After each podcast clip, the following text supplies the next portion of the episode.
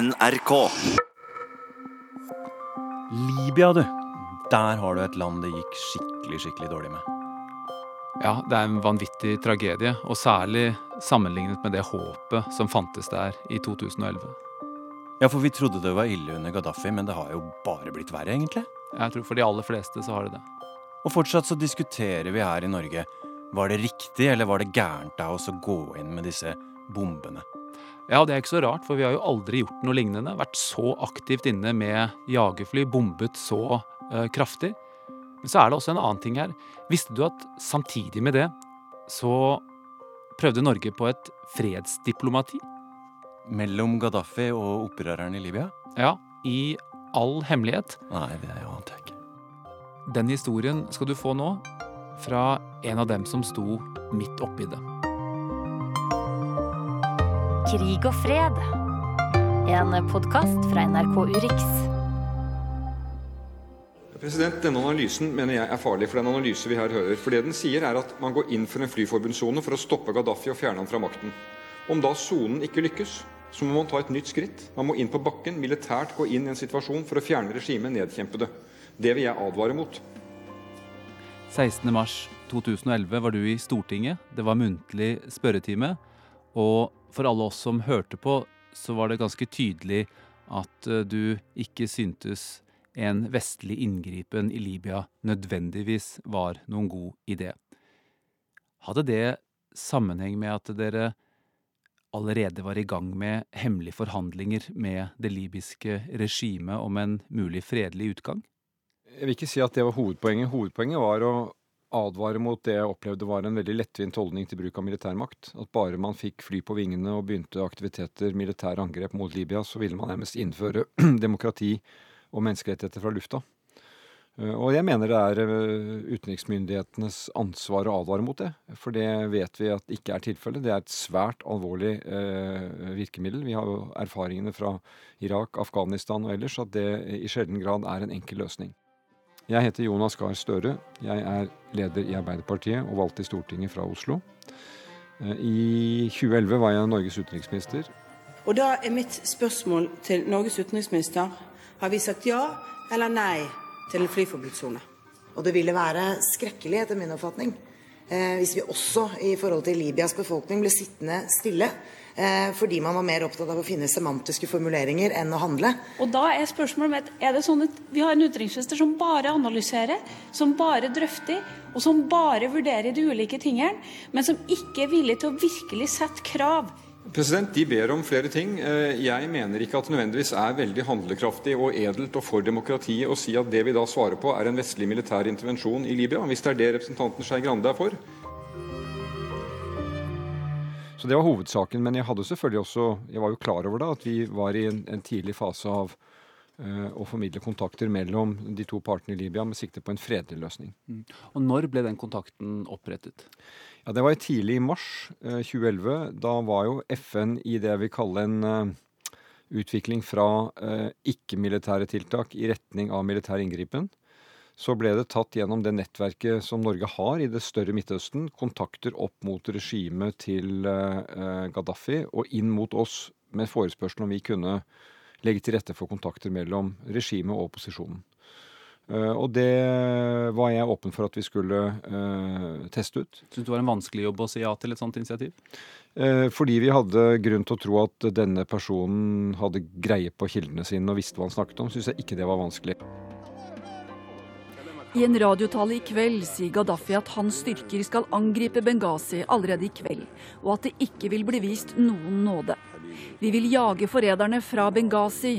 De som overgir seg og kaster fra seg sine våpen, vil bli spart, sa han. Vi sendte en delegasjon til Tripoli med noen av eh, diplomatene som jobbet for meg. Eh, og de var da i Libya og, og endte med å få et møte med sønn av Gaddafi, som var helt sentral i regimet, og fikk bekreftet at det var en reell vilje fra deres side til å gå til slike samtaler. Så i den veldig viktige uken for uh, Libya og for verdenssamfunnet, så skjer det altså to ting. Du har en debatt i FN og i uh, Norge om bruk av militærmakt. Samtidig har dere startet et uh, hemmelig diplomati opp mot libyske myndigheter for å få til en mulig fredelig utgang. Det er riktig.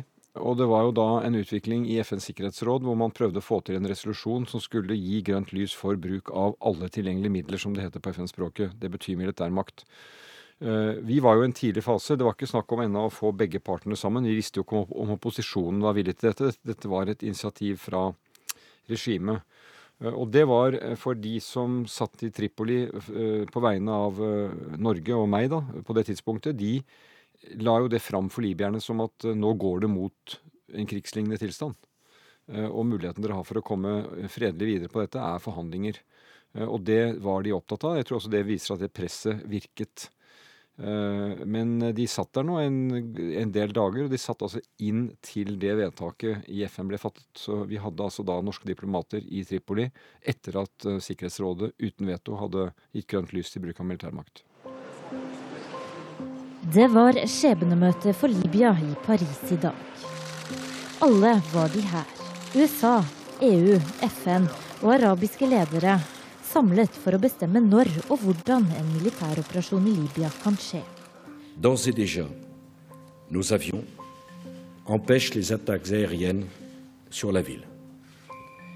D'ores et déjà, d'autres avions français sont prêts à intervenir contre des blindés qui menacerait des civils désarmés. Klokken litt over tre så informerte president Sarkozy de andre lederne her i Élysée-palasset om at franske fly hadde inntatt libysk luftrom, og at militæroperasjonen nå er i gang.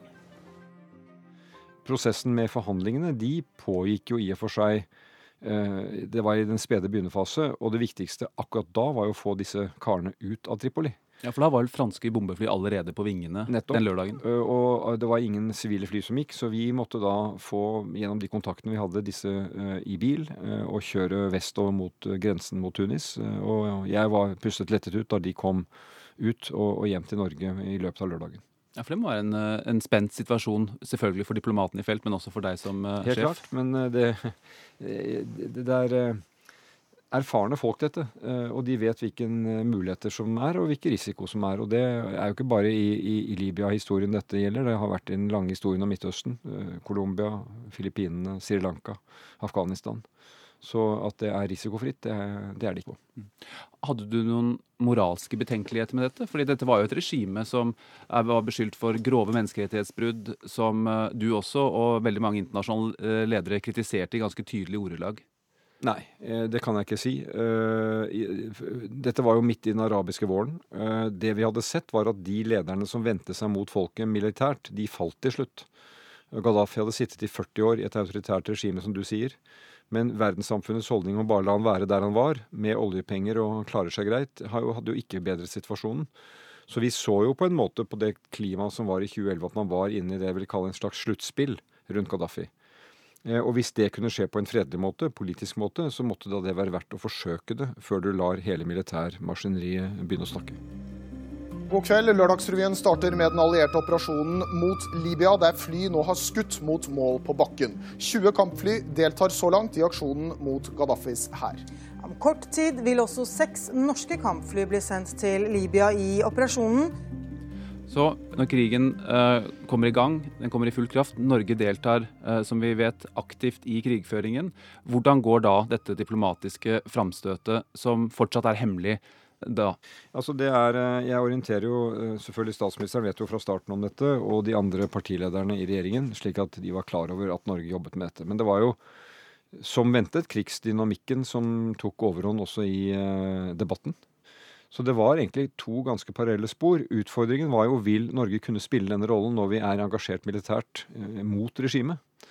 Og det er klart det, det var komplisert. Men det som skjedde etter de første kontaktene, var jo at det ble sendt en høynivårepresentant fra Gaddafi-regimet til Norge. Jeg møtte han, snakket med han, fulgte opp med samtaler tilbake igjen til uh, sønnen av Gaddafi for å bekrefte at det vi hadde hørt, stemte.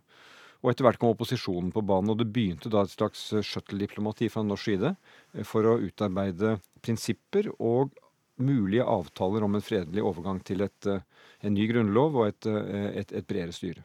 Når du sier sønnen til Gaddafi, så er det Saif al-Islam dere tenker på? Det er han som da var sentral og litt ansiktet utad. Han hadde vel studert utenfor Libya og hadde kontakter og ble vel lyttet til som en man i hvert fall forsto hva han sa.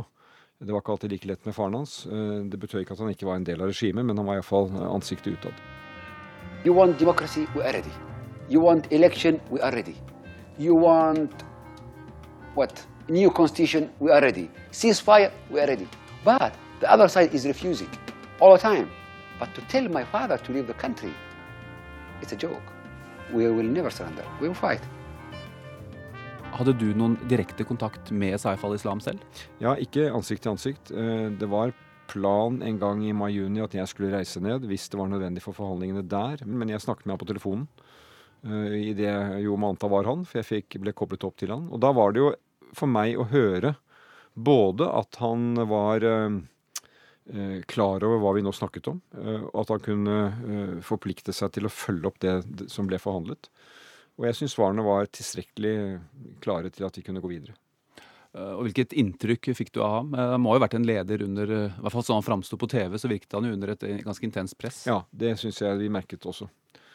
Så det var ikke akkurat noen sånn hjertelig samtale, men den var den handlet om det den handlet om, eh, og forholdt seg til de sakene som eh, jeg tok opp, og som han svarte egentlig greit på. Men det er klart, han var vel også under påvirkning av at her snakket en fra et land som deltok i den militære operasjonen. Det var det jeg skulle si. altså Det var jo tross alt norske fly på vingene samtidig, Absolutt. så det kan jo ha preget Men dette er et av mange paradokser i, eh, i militær konflikt. Vi har jo sett i Afghanistan gjennom alle årene utallige forsøk på å prøve å få tak i få i stand samtaler på regionalt, lokalt nivå, også litt eh, større nivå. Dette har også Norge vært engasjert i, samtidig som vi har hatt styrker der.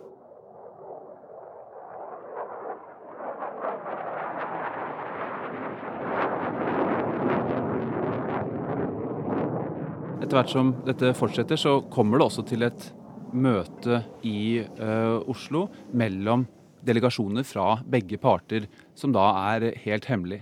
Ja, eh, de samtalene lykkes jo egentlig veldig godt.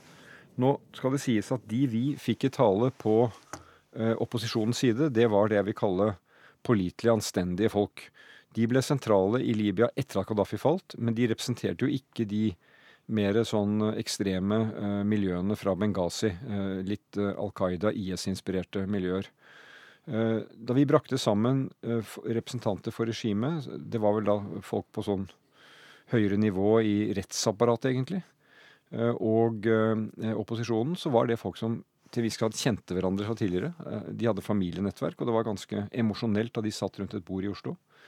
Og de forholdt seg ganske konstruktivt til de forslagene vi la fram. Og det ble jo til slutt en tekst som var omforent om hvordan man kunne få til en våpenhvile, våpenstillstand, få inn humanitær hjelp for internasjonale observatører, starte prosessen mot eh, en ny grunnlov, eh, og deretter mot valg. Få Gaddafi til å tre til side på en måte som kunne sikre han på et vis, men få han unna makten. Og For å gjøre en lang historie kort, det var der det skortet. Dette var partene enige om å anbefale. Men etter hvert som utviklingen gikk, de militære kampanjen fortsatte, og Gaddafi i løpet av mai måned følte at han egentlig hadde store fremskritt militært, Eh, så var ikke han villig eh, til å rikke på det, og, det tror jeg også skjedde mot uh, deler av familien hans klare, klare, råd. Så i Oslo så satt en delegasjon fra regimet, en fra opposisjonen. De hadde da kriget i flere måneder. Og dette var et møte dere klarte å holde skjult for offentligheten. Hvordan foregikk det rent praktisk? Nei, Det foregikk slik at uh, man på forhånd hadde forberedt partene gjennom det du kaller et shuttle-diplomati. Da snakke med begge uh, ulike tekstutkast. Forbedret dem, justert dem ettersom man hadde samtaler. En av grunnene til at jeg tror uh, de valgte Norge som sted for det som jeg tror det var det mest seriøse forsøket på å få til en fredelig løsning, det var jo andre òg, det var at Norge kunne etablere rask kontakt i USA. Fordi Frankrike og, Italia, nei, og, og Storbritannia, som var pådrivere for denne aksjonen i Europa, falt tilbake, vil jeg si, som ledere etter at eh, det hele kom i gang. Eh, og mens USA sa de skulle lede 'lead from behind', som Obama sa, en merkelig eh, uttrykk for øvrig, så var det allikevel USA, partene anså var den makten som kunne komme inn og, og, og, og ta styringen hvis det ble en, en fredelig løsning.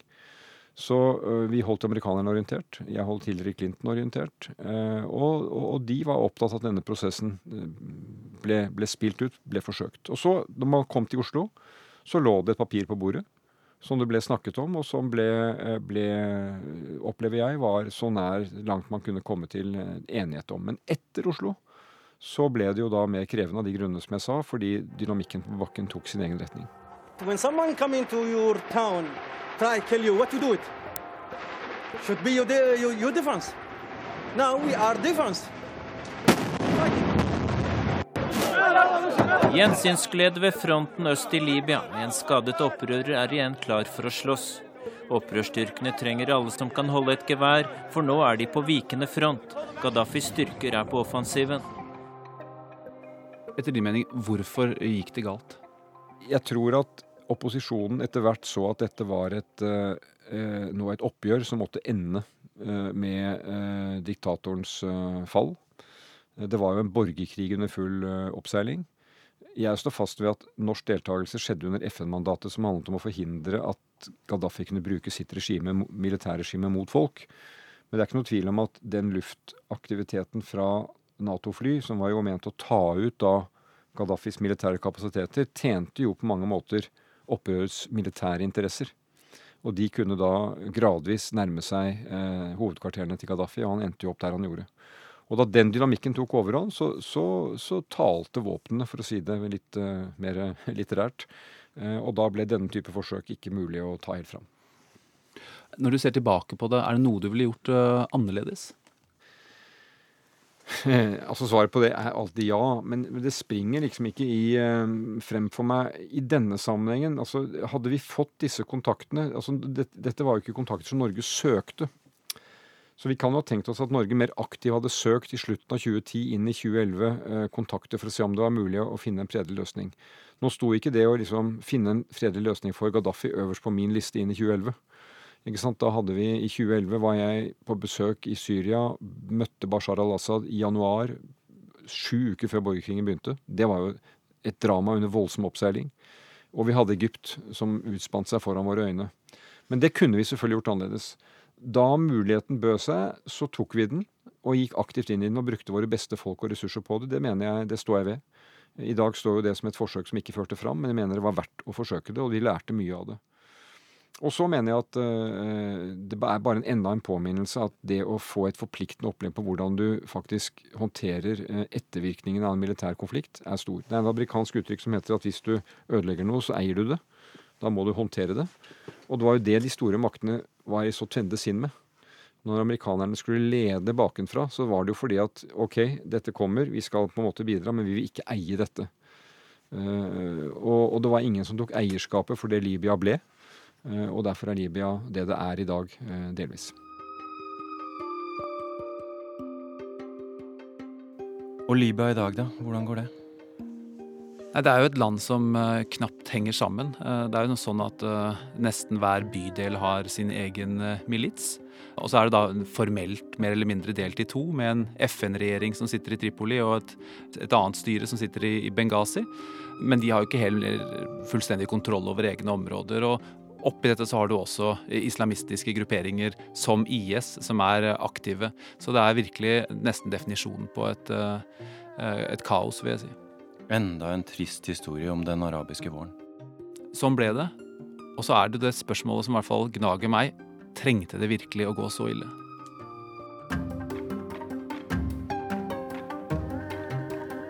Du har hørt podkasten Krig og fred med Sigurd Falkenberg Mikkelsen.